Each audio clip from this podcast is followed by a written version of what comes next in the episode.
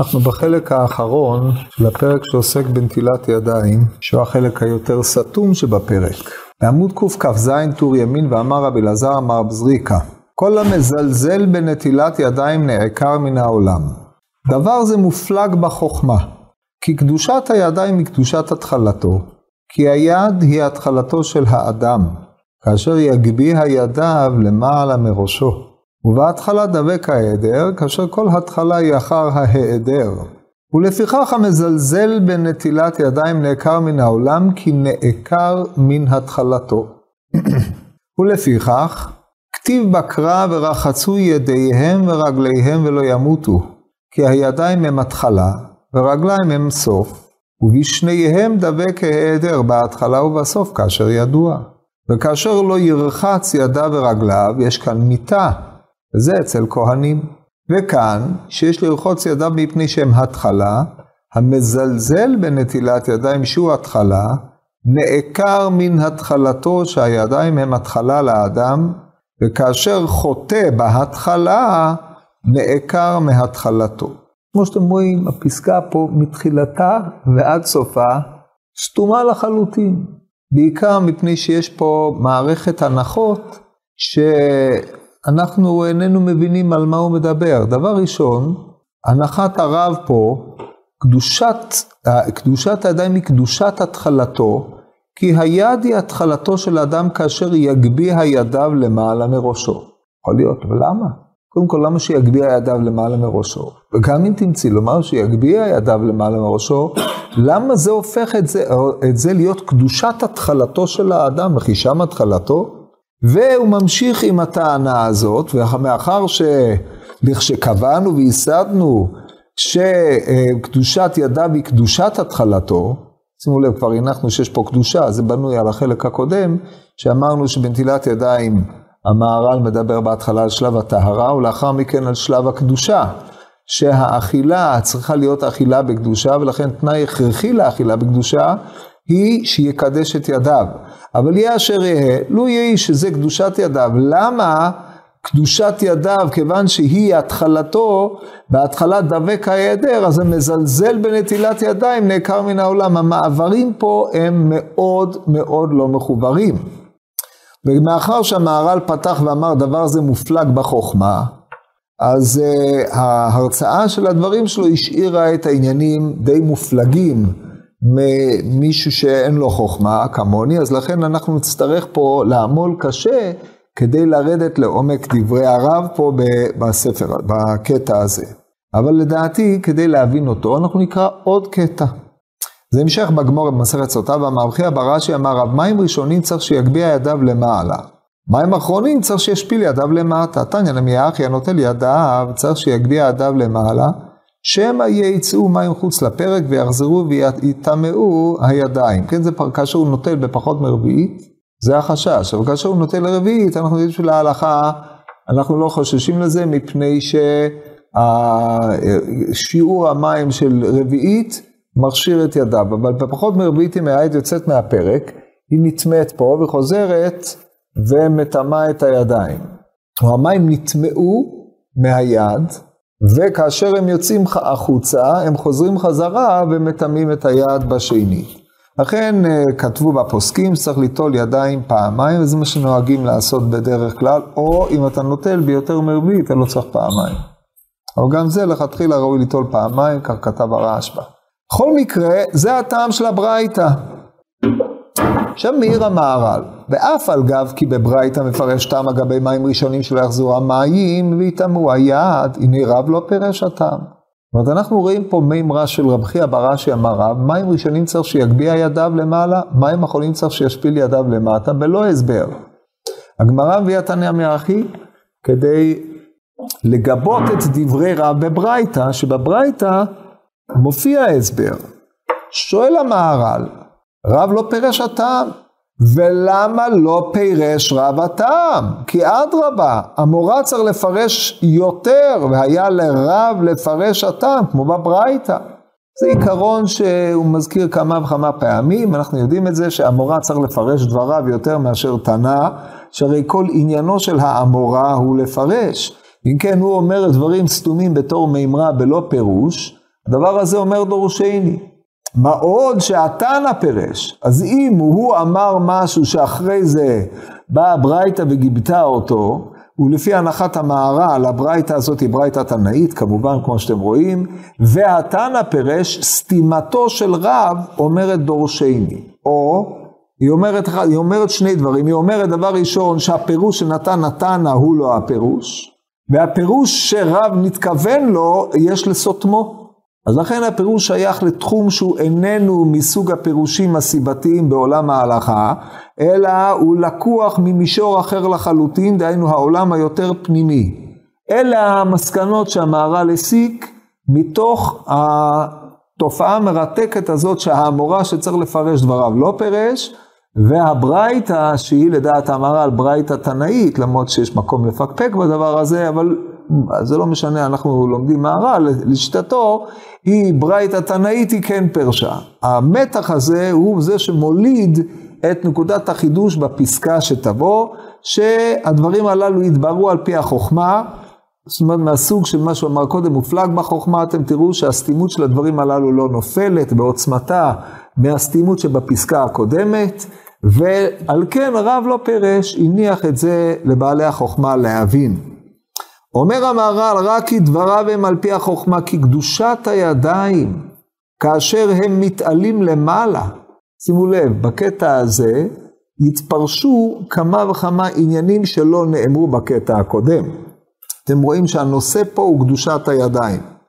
אם נחזור למה שדיברנו בפעמים הקודמות, הרי דיברנו על טהרת האדם וקדושת האדם הבאה לידי ביטוי בידיו, אם בטהרה, כי הידיים עסקניות והן הראשוניות אל הטומאה, כמו, אה, כמו שלמדנו בפסוק ועל העזב וידיו לא שטף במים, ואם בדרשה של כל האוכל לחם טמא, או אוכל לחם בלא נטילת ידיים, כאילו בעל אישה זונה, אישה זונה, אישה בלא קידושין, כך אדם שאוכל לחם בלא קידוש ידיו, שהלחם הוא חיבור אל האדם, ואמצעי החיבור הוא על ידי, על, על ידי הידיים, הוא כאילו בעל אישה זונה, דהיינו פועל פעולה המחברת בין העולם הגשמי לבינו בלא קדושה. זה התמצית מה שדיברנו בפעמים הקודמות. עכשיו המהר"ל עובר לפאזה שלישית. פה לא מדובר על קדושת האדם, אלא קדושת הידיים. שעל פניו היינו שואלים, מה למעלה ממה, קדושת האדם או קדושת ידיו? לכאורה, הפרט תמיד הוא נמוך יותר מהכלל. אומר המהר"ל, לא. קדושת ידיו, ולכן הוא מסדר את זה כמובן בחלק האחרון של הפרק מלבד שזה סדר הגמרא, קדושת ידיו היא המעלה היותר עליונה. הדבר הזה אומר דורשני, למה? אבל אתם רואים שלשם הוא חותר. עכשיו פה הוא אמור להסביר את זה בפסקה הזאת, כי בזה הוא מסיים את עניין קדושת הידיים, ואחר כך הוא עובר לעניין אחר. אומר כך, אמ, כי קדושת הידיים כאשר מתעלים למעלה. כי כך ראוי, ראויים לידיים, וכדכתיב וישא אהרון את ידיו, ולכך נקרא נטילת ידיים, דכתיב וינטלם וינשאם. כי הידיים בעצמם ראוי להם נשיאה. ולכך מים ראשונים צריך להגביה את ידיו, אבל מים אחרונים צריך להשפיל ידיו משום מלח סדומית שצריך הסרה בכוח. ולכך ישפיל ידיו. ויש לך להבין, כי, אז בואו נראה, קודם ולכך מים, מים ראשונים צריכים להגביה ידיו. מדוע? מפני שקדושת הידיים היא כאשר הידיים מתעלים למעלה. למה קדושת הידיים אם כאשר הם מתעלים למעלה? לא נאמר. אלא הובא לזה ראיה מ"וישא אהרון את ידיו". עכשיו, וישא אהרון את ידיו כמובן מתחבר לפסוק שהוא הביא ורחצו ידיהם ורגליהם לגבי קידוש ידיים ורגליים של כהנים. פה הוא הביא פסוק מסוג אחר, לעניין הרמת הידיים. הבאת הדברים הללו, עדיין הזיקה בין הפסוק שהוא הביא לבין נידון דידן לא נתבאר כלל, אבל הוא משאיר לך להבין את זה לבד, זה חלק מן העניין. ולאחר מכן הוא קובע, לכן מים ראשונים צריך להגביה את ידיו, זה ההסבר לחלקו הראשון של מימרת רב, ואבל מים אחרונים צריך להשפיל ידיו, למה? משום מלח סדומית, בוודאי, הרי זה מה שכתוב בגמרא, משום מלח סדומית. אז מה ההסבר בחוכמה שיש פה? שצריך הסרה בכוח, ולכן ישפיל את ידיו. עכשיו ההסבר הזה הוא הסבר מסוג החוכמה, או לא הסבר, כן, נימוק הלכתי גריידא כאין שמא יטמאו, או שמא יישאר לו מלח סדומית בידיו ויבוא וייתן את זה בעיניו ויבוא לידי סכנה. כי אם זה היה ההסבר, אז לא היה פה העניין ממין החוכמה שהוא חורג מהטעם ההלכתי הרגיל. מוסיף המהר"ל, אם לא הבנת עד עכשיו, אז יש לך להבין. כי מים ראשונים מצד הימין, ולכן צריך להגביה ידיו. כי ימין השם רוממה, ומים אחרונים משום מלח סדומית, והוא משמאל. ולכן צריך להשפיל ידיו. והבן זה והוא אמיתי ברור. זהו, זה כל מה שיש פה בפסקה הזאת, אתם רואים, קיצר, במקום שהיה לו להעריך, השאיר אותנו עומדים נדהמים. עכשיו אנחנו צריכים באיזשהו אופן להוציא מפה, לתת לזה איזשהו פשר, איזושהי משמעות. אז קודם כל נתחיל בקטע השני, בכמה תובנות שעלו פה שלא נדברו בקטע הראשון. המושג נטילת ידיים היא הרמת ידיים. נטילה, כמו שמביאים מהפסוק בישעיהו, וינטלם וינשאם כל ימות עולם, נטילה זה הרמה. כמו שאדם נוטל דבר, הוא מרים אותו ממקום הנחתו. אם כן, כאשר אתה נוטל ידיים, אתה מרים אותם. עכשיו, לא מדובר פה בפעולת הרמה, אלא מדובר פה בפעולה שבו אדם נוטל את ידיו במים, או ננסח את זה אחרת, חז"ל קראו לנטילת הידיים, שהיא רחיצת ידיו בין נטלה מכאן ומכאן, נטילת ידיים, דהיינו הרמת הידיים, אתה מרים אותם לאן? אמנם אנחנו נוהגים, או חלק נוהגים, תלוי מי, שאתה מרים את ידיו אחרי הנטילה ואומר, שאו ידיכם קודש וברכו את השם. אבל uh, ברכו את השם, תברך על הלחם, אתה יכולת גם לברך בלי יעשו ידיכם קודש, בלי הדרמה הזאת, כן? זה, מה זה אומר? על כל פנים אומר המהר"ל, תדע לך על נטילת ידיים, היא הרמתם.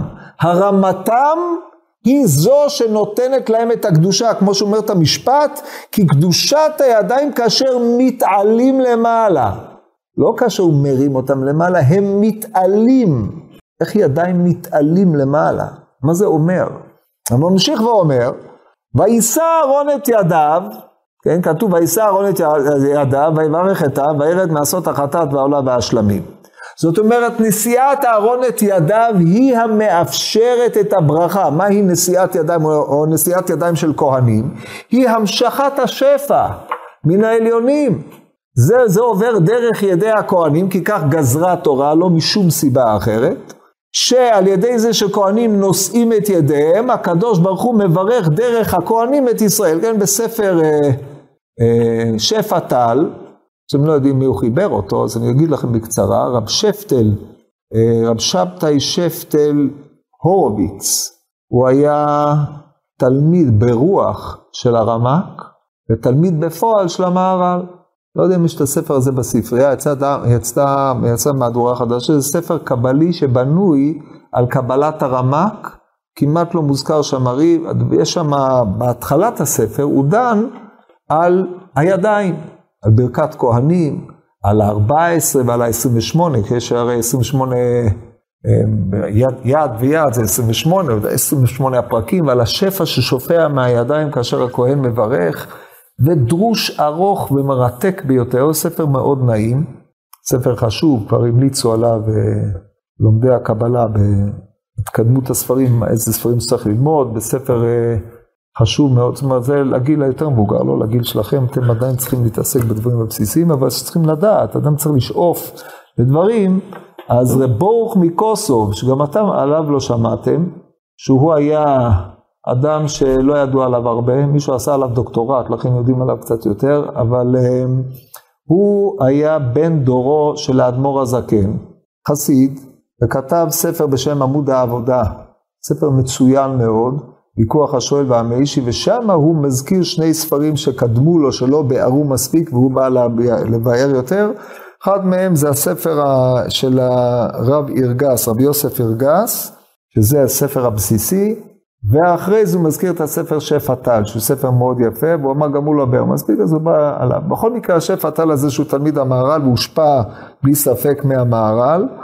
הוא מדבר שם בהתחלה, אם נחזור לעניין הזה, על אה, קדושת הידיים. עכשיו, אם אנחנו נחזור למוטיב שדיברנו פה, קדושת הידיים, אם כן, היא, היא כאשר אדם נושא אותם, או כאשר הכהן נושא אותם, הם דרך ההשפעה שהשם משפיע דרך ידיו של הכהן אל, אל העם.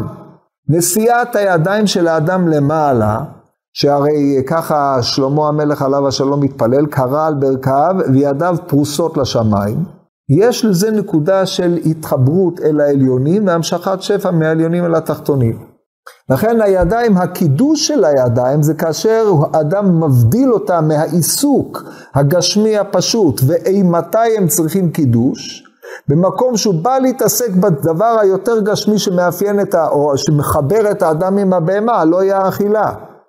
לכן לא זו בלבד שיש קדושת הגוף, אלא הקדושה של הדבר שהוא יותר קרוב אל ההיעדר משום ההתעסקות שלו בענייני העולם הזה, אם הידיים הם שמורים על, אה, כאשר הוא נושא אותם למעלה, או כאשר הם מורים על המשכת השפע, הם יותר, יש בהם בחינה של קדושה. זה נקרא נטילת ידיים. נטילת ידיים, דהיינו, כאשר אדם מסלק את הטומאה מהם, מתוך מגמה לקדש את אכילתו, הידיים הללו עצמם הופכות להיות במקור של שפע ששופע על האדם, שזה המדרגה היותר עליונה, שלא תחשבו שרק האכילה הזאת היא חיבור המזון אל האדם בכדי שהוא יוכל להתקיים, יש באכילה הזאת, או בהכנת האכילה בנטילת הידיים, קדושה של התחברות על ידי ידיו של האדם שהן מהוות את התחלתו. ולמה הן מהוות את התחלתו? שנייה.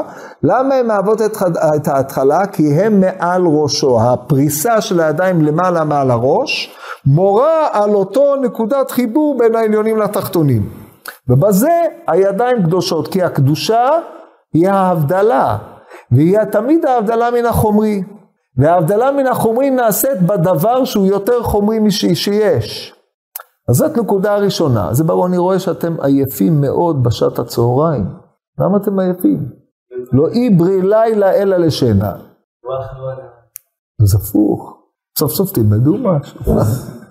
הנה, תראה, הם באים מהצבא, כולם רעננים, מאוד שקראו אותם, וכו' וכו'. אתם יושבים כל היום פה, מתענגים על רוב טובה, כמו בגן עדן תחתון. לא צריכים לישון, צריכים להיות ערניים. הלילה תשנו, ביום תהיו ערניים.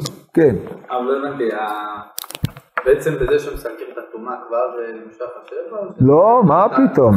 בשביל זה את ההגבהה. עכשיו, לא מדובר פה בהגבהה פיזית דווקא, כן? זאת אומרת, נהגו לעשות את הפעולות, כי הפעולות הללו אמורות להתאים עם uh, העניינים הפנימיים, אבל על כל פנים, מדובר פה על מושג קדושת הידיים, דהיינו ההבדלה של היד. עכשיו, הידיים עצמם, uh, כמו שהוא רומז בהמשך, אה, לגבי המים האחרונים, טוב, זה, זה בקטע השלישי, על החוכמה, שאני אגיע לזה עוד מעט. עכשיו, לאור כל הנתונים שאמרתי, נחזור להסביר את הדברים מהתחלתם, נחזור לפסקה הראשונה. אדם שמג... אדם, אה, המאמר רב זריקה, אמר רבי אלעזר אמר רב זריקה, כל המזלזל בנטילת ידיים נעקר מן העולם. דבר זה מופלג בחוכמה. מה פירוש נעקר מן העולם? מת, כולם מתים. מאיזה עולם הוא נעקר? עכשיו, הוא חי, חייב להיות שהוא נעקר מן העולם. העולם האמיתי זה העולם, זה עולמו של האדם. כן, כמו שאנחנו אומרים, אומרת הגמור בברכות, י"ז כי מפטרי רבנן מעבדדיה ואמר לי, עולמך תראה בחייך. זה העולם האמיתי של האדם, ממנו הוא נעקר. האדם, הוא יש עולם דמיוני, זה עולם עלמא דשיקרא, שרובנו חיים בו, ויש את העולם האמיתי שאדם פוגש אותו מדי פעם באיזושהי הבלחה. שמאירה אל העולם הזה, מעין משל הברקים של הרמב"ם המורה, יש מישהו שלא מכיר את המשל הזה? אז מה אתם עושים? חייבים לקרוא את המשל הזה. אומרת הגמור בפסחים, בבית עמוד א', העולם הבא דומה ללילה, העולם הזה דומה ללילה והעולם הבא ליום. מה זה אומר? זה אותו עולם. אלא העולם הזה, אנחנו בלילה, האור לא האיר. בעולם הבא השמש תאיר כאור בוקר יזרח שמש, ככה כתוב בתהילים, לא, זה תהילים, שמואל ב'. כ"ג, כן? דוד המלך, עכשיו הגמרא דורשת את זה. אם כן, העולם הבא והעולם הזה, אומר הרמב"ם, זה אותו עולם, אלא העולם הבא הוא צפון, האור הוא צפון, ומי שמסתיר אותו זה החושך. החושך הגופני, שאיננו אלא עולם הדמיון של האדם, לא הגוף, הבשר, כי זה נקרא בשר אדם, האדם שבאדם, או הנחש שבאדם, או מה שרוכב על הנחש שבאדם, דהיינו העולם הדמיון שבאדם, הוא מסתיר מהאדם את העולם האמיתי. ומדי פעם יש ברקים שהקדוש ברוך הוא שולח והם מאירים את העולם. זה עולמך תראה בחייך, שתזכה לראות מה העולם האמיתי שלך. אדם שלא מקדש את עצמו לא יזכה, הוא חי בטומאה. כמו שהוא מביא בהמשך, ככה יאכלו בני ישראל לחמם טמא בגויים.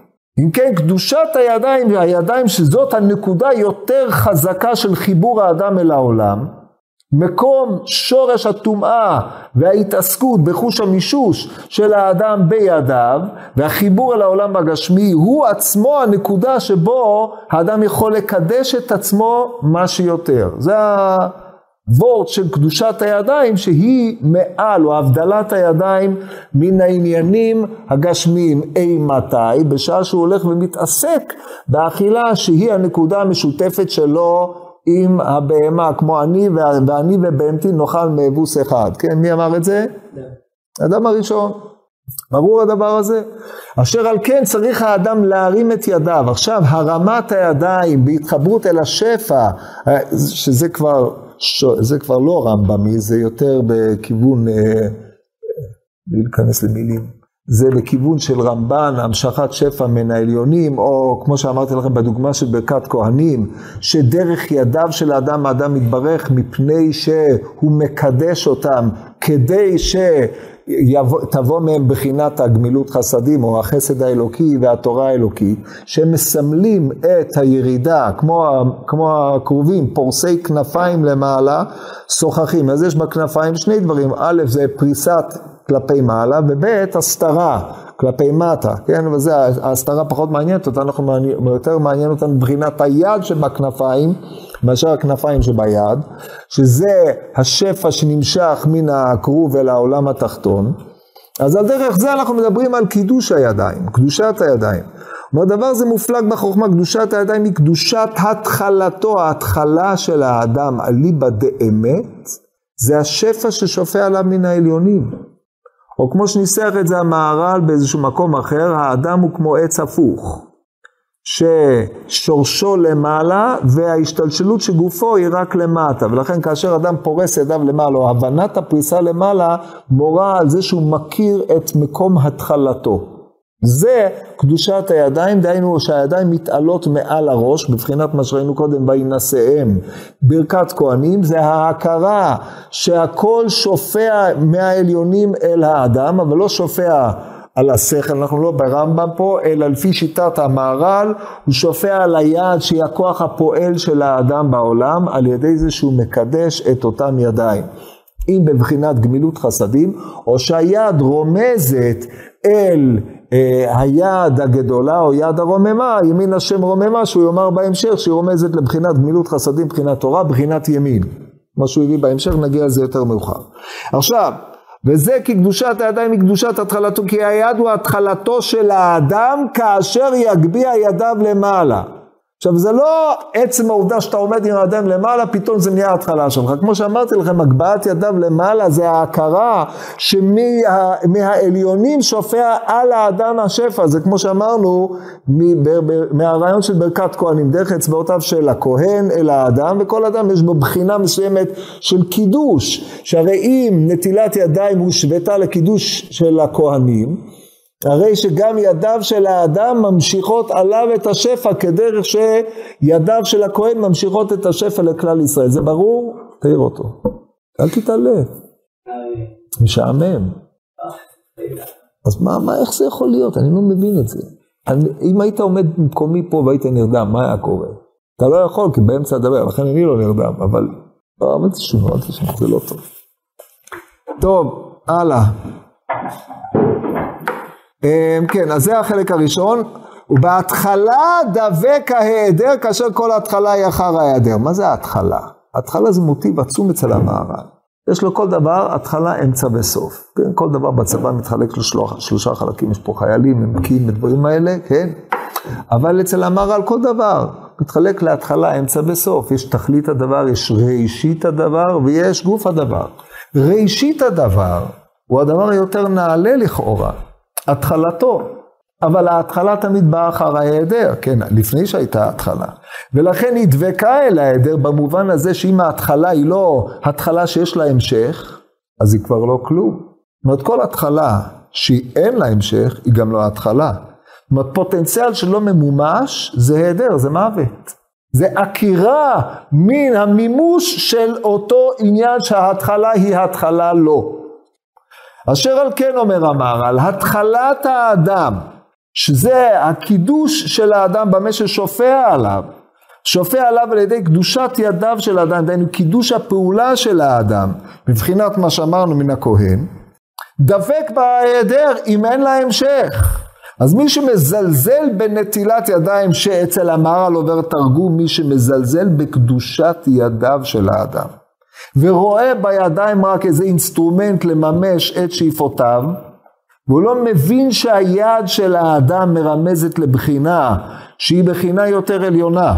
כן, מי שאמר אי פעם פתח אליהו, יש מישהו שלא אמר פה פעם פתח אליהו? אתה עוד חסיד, איך אתה לא אומר? טוב, תגיד פעם אחת, פעם. כן, ספרדים, מה, אתה? זה היתרון של ספרדים על אשכנזים. אז אנחנו יודעים שבפתח אליהו, תסתכלו בזה פעם, יש אמ, עשר הספירות מסודרות לפי אברי האדם. כן, מבחינת דמות אדם על הכיסא. עכשיו, כל פעולה שאדם פועל בידיו, במעשיו בעולם הזה, הוא מושך שפע לאותה בחינה שהקדוש ברוך הוא מנהיג את העולמה, יש בחינה שנקראת יד השם, יש רגל השם וכן הלאה, על זה הדרך. והפעולות שאדם פועל בעולם הזה מקדשות את הבחינה הפנימית, ממשיכות שפע מאותה בחינה עליונה. כן, זה העיקרון. כאשר הידיים, יש בהם בחינות, בחינה עליונה, זה בחינת הדין והרחמים, ימין ושמאל. כן, כאשר אותנו מעניין הצד הימני, הצד של בחינת הרחמים, או הצד של החסד, כל הדברים הללו, אדם שמזלזל בהם, מזלזל בקדושת ידיו, מזלזל בקדושה שמעשיו ממשיכים על העולם על ידי אותה עשייה, על ידי אותו קידוש, הוא נעקר מן העולם. אין המשך לאותו עניין, כי הזלזול זה חוסר החשיבות בקדושת הידיים, כי איך ידיו של אדם יהיו קדושות? מה יש בהם? הן מתעסקות בענייני העולם, לכן הוא לא מכיר את שורש הקדושה של עצמו, ולכן הוא נעקר מאותו עולם שהוא העולם העיקרי שבו נשאר, כמו שאומר, חומר מוחרט שט בים ההיולי, כן? זה איזשהו ביטוי רמב"מי בהקדמה לפירוש המשנה. כן, אז זה מה שאומר, ולפיכך כתיב בקרא, כאשר כהן בא אה, לעבוד את עבודתו בבית המקדש, שעיקר עבודת הכהן בבית המקדש הוא, לה, הוא לחבר עליונים ותחתונים, כתיב ורחצו ידיהם ורגליהם ולא ימותו. מיתת הכהן, פה אמנם מדובר במיתה בידי שמיים, כן? על זה שכין מיתה בידי שמיים, מי שעובד ללא, ללא חוץ ידיים ורגליים, אבל אותה סוג של מיתה היא קיימת אצל כל אדם, כי כל אדם יש לו בחינת כהן. כמו שידוע, מי שלמד אה, מלכות נטילת ידיים של הבוקר, יש שם במשנה ברור, מביא שיטת הרשב"א, שיטת הראש, שיטת הרשב"א שצריך לקדש את ידיו כמו שכהן מקדש את ידיו מן הכיור. המודל הזה שהמהר"ל כבר העריך בו קודם לכן הוא מודל מכונן לגבי כל פעולותיו של האדם, בוודאי בפעולתו של האדם לפני שהוא בא לאכול, כדי שכהן, לפני שהוא בא לעבוד עבודה, צריך לקדש ידיו. כן. אז הוא, ושזה כרגע אמרתי, כמו שכהן לפני שהוא אוכל קודשים צריך ליטול את ידיו, שזה הרי שורש הגזרה, כך אדם מישראל צריך לקדש את, השולח... את, את אכילתו שולחנו כמזבח, גמרא בסוף מסכת חגיגה, ועוד אי, אילו עניינים, אתם רואים כמה המהר"ל העלה את האדם מישראל, למרות שהוא לא זכה להיות משבט הכהונה, כל אחד יש בו בחינת כהן או אה, קדושת הוא צריך להנהיג בעצמו את אותה בחינה של קדושה. וכאשר לא ירחץ ידיו ורגליו יש כאן מיטה, וזה אצל כהנים. וכאן, שיש לו לרחוץ ידיו מפני שהם התחלה, דהיינו עם שורש התקדשותו של האדם, המזלזל בטעינת ידיים של התחלה, נעקר מן התחלתו. הסברנו את הנעקר מן התחלתו, כי אם, אם אין המשך לאותה התחלה, גם ההתחלה הזאת היא לא כלום, חוזר להיות נעדר, הוא נעדר מן העולם האמיתי שלו, שזה העולם הפנימי שבהכרח שופע מן מהשם יתברך על האדם, על ידי קידוש ידיו, כמו בברכת הכהנים שראינו קודם לכן. שעדיין הם התחלה לאדם, כאשר חוטא בהתחלה, נקם מן התחלתו. אז בזה פחות או יותר נתבהרה הפסקה הראשונה. הפסקה השנייה, אני חוזר לקכ"ז עמוד א', אה, טור שמאל למעלה, כן, אחרי הציטוט. אז הוא מביא כאן, כאשר מתעלים למעלה, קדושת הידיים כאשר מתעלים למעלה, כך ראויים לידיים. דהיינו, ראוי לידיים להתעלות למעלה. למה? אז הוא מביא דוגמה, כדכתיב, וישא אהרון את ידיו, רק בנשיאת ידיו יכול היה אהרון לברך את בני ישראל. נשיאת הידיים מצד אחד היא קדושה, והיא המשכת ברכה. היא היבדלות והמשכה. ואז הוא ממשיך, כי הידיים בעצמם ראוי להם הנשיאה. זאת אומרת, המקום הנאות והראוי של היד היא כאשר היא נשואה כלפי מעלה. כמו שאמרנו, המצב האופטימלי של אדם לפי דעות מסוימות זה כאשר הוא עומד ומתפלל וידיו פרוסות לשמיים, כמו ששלמה עמד והתפלל. אנחנו לא נוהגים להתפלל היום ככה, אלא כאב דקה ממראה, כמו שאומרת הגמרא, בלי לעשות כל מיני תנועות ובלי לעשות כל מיני צעקות. היו כאלה שנהגו לעשות את זה, זה תרם להם תרומה כלשהי. היום ספק אם זה יתרום למישהו משהו. ולכן אדם עומד עם ידיו כפותות על ליבו, או מחזיקות את מה שמחזיקות, ומתפלל ב... כמו שמתפלל. מכל מקום, מים ראשונים צריך להגביה את ידיו, במים האחרונים צריך להשפיל ידיו משום מלח סדומית. אמרנו, זה לא יכול לתת פה טעם הלכתי, כי זה בכלל לא בהקשר. כמו שאנחנו רואים קודם, מלח סדומית זה תיקון מידת הדין. הרי הצירוף של מלח וסדום הוא צירוף uh, שעולה יפה כמובן, לא, זה לא רק בגלל שיש מלח בסדום, אלא מפני שמה שנשאר מסדום זה רק מלח, כן? כמו שאתם יודעים. גופרית והמלח, שרפה כל הרצאה, לא תיזרע כמהפכת סדום ועמורה, כן? זה מה שיש. מלח סדומית זה ביטוי של יד השם שיצאה באותם אלה, אשר כמו שכתוב, גאון סיבת לחם היה לה ביד עני ואביון לא החזיק. אז שימו לב, גאון סיבת לחם, מי אמר את זה? יחזקאל, פרק ט"ז, אתם צריכים ללמוד את התנ"ך, אתם לומדים גמרא כבר, לעשות חזרה לתנ"ך. טוב, לא בחנתי על זה, אבל תנ"ך, הספר הזה, טוב, האמת היא שזו הייתה הפטרה, וזה רק בחוץ לארץ, זה לא בארץ, הפטרה קשה מאוד, גם הוציאו את זה, לא משנה. טוב, בכל מקרה, זה, זה עוון סדום החותר, כן, הוא מדבר על אוהלה, אוהלה ואוהליבה, והוא בסוף שם מסיים, וזה עוון סדום החותך, גאון סיבת לחם ויד עני ואביון לא החזיקה. שימו, סיבת לחם ויד עני ואביון לא החזיקה ודגבנה ותעשה נער על פנינו עוון הגאווה. מלבד מה שהגמרא במסכת סנהדרין מספרת על כל ענייני סדום, שזה לא עניינים. עכשיו, מכל מקום, סדום זה מלמד על מידת הדין שיצאה אל אותם אנשים. ולכן, כאשר אדם נוטל ידיו בסוף הסעודה, אז הוא מוריד את ידיו למטה, שזה בחינת מידת הדין. מידת הרחמים או מידת החסד שופעת אל האדם. מידת הדין היא מה שיורדת כלפי מטה, זה, זה בחינת ימין ובחינת שמאל, זה הצד החוכמה. ויש לך להבין כי מים ראשונים מצד הימין, ולכן צריך להגביה ידיו כי ימין השם רוממה, אז מה? ימין השם רוממה. בימין ניתנה תורה, כמו שכתוב מימינו אש דעת למו, וצדק מלאה ימיניך. צדק במובן של חסדים, מלאה ימיניך, זה צד הימין, היא הצד של החסד. שני הדברים הללו, תורה וגמילות חסדים הם בימין, המהר"ל במקומות אחרים מורה שימין השם רוממה, דהיינו היא המרוממת. רוממה זה ביטוי אה, נעלה, היא המרוממת, והיא המרוממת מפני שהיא גם מרוממת. כי בימין, בבחינת מה שניתן בימין, האדם מתעלה, אבל מה הדגש? ימין השם זה יד.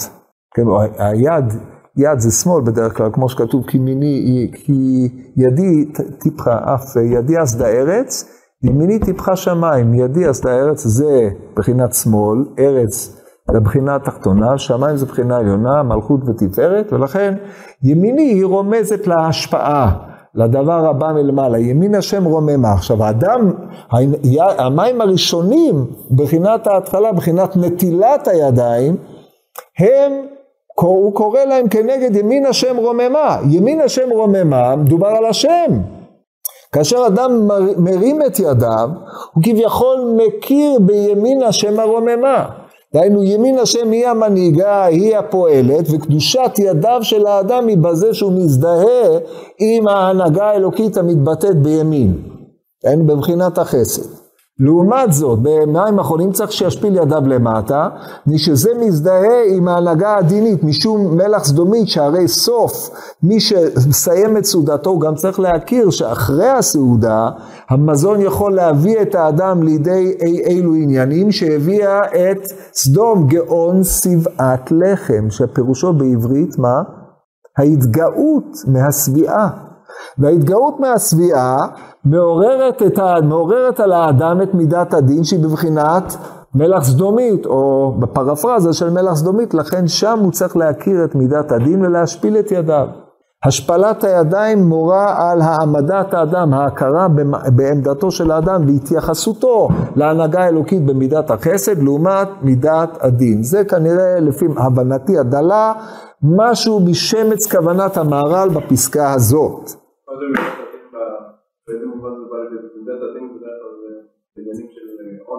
טוב, הסברתי את זה כרגע.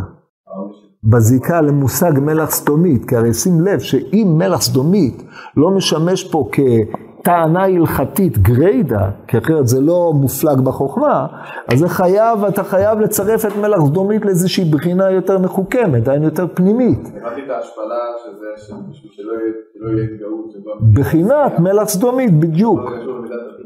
כי מה, מה, מה המלח סדומית מורה על? שהקדוש ברוך הוא, ואר, איך כתוב, שהארדנה ורע כצעקתה הבא אליי עשו, קלה. זה דין. כל זה זה דין, דין גמור, כן. רק שנייה, ולכן צריך להשפיל ידיו, והבן זה, והוא אמיתי ברור. מה שהוא אמר אמיתי ברור, מה שאמרתי, לא יודע. זה נראה לי לפי שעה, כן. אז למה בזמן התפילה לא רוצים להיות במצב של הורדת שפע, אנחנו רוצים להיות במצב של... כעבדה קמא מראי. כשתהיה שלוי מהמלך, תעמוד ככה. אנחנו ב... כעבד העומד לפני רבו. עבד לא בא ככה, עבד בא ככה.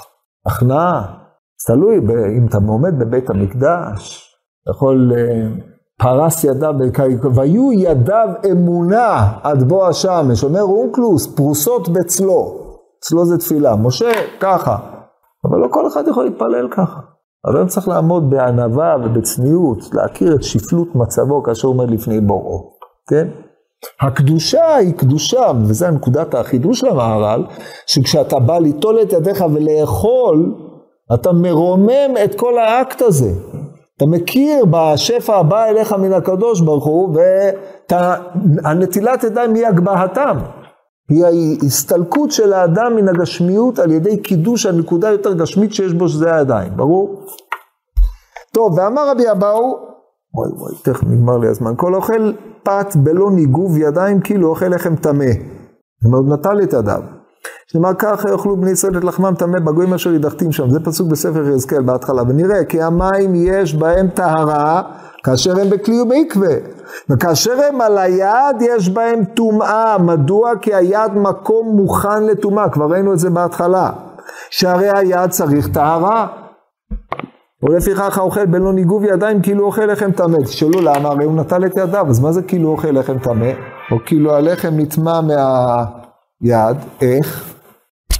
יש לך להבין הראיה שהביא, ככה יאכלו בני ישראל לחמם טמא בגויים אשר ידחתים שם. איך אחד קשור לזה, קשור לזה. איך אדם שאוכל ידיו בנטילת ידיים בלא ניגוב, דומה למה שיחזקאל אומר ככה, הוא אומר לו שמה לאכול את הלחם שלו אה, לעשות אותו על צפיי בקר, צפיי אדם, אחרי זה הוא צפיי בקר, והוא אומר לו ככה, יאכלו בני ישראל לחמם טמא בגויים אשר ידחתים שם. למה הם אוכלים אותו טמא? כי הם בגויים אשר ידחתים שם. בלי טומאת ארץ שגזרו יותר מאוחר, אבל על כל פנים כשאתה נמצא בין הגויים, כל אכילתך היא אכילה טמאה, ולא אכילה במקום הראוי לאכילה. אז איך זה דומה למי שאוכל ידה, אה, בלא, בלא ניגוב ידיים? יש לך להבין הראיה שהביא ככה יאכלו בני ישראל את לחמם טמא בגויים. כי כמו שנחשב כאשר ישראל בין האומות שאוכלים לחמם טמא בגויים, ונחשב אכילת ישראל ביניהם עניין טומאה. אתה נמצא בין הגויים, מה שאתה אוכל זה, זה עניין של טומאה. עצם החברה, טוב, אני לא יכול להאריך בזה עכשיו, עוד, אבל אה, נגמר הזמן, אבל אה, אכילה בין הגויים, בחברתם של גויים. זה אכילת טומאה, כן? אדם צריך להיבדל מן הגויים, הקדוש ברוך הוא הבדיל אותנו מן הגויים, נתן לנו תורת אמת, לא צריך להתערות איתם.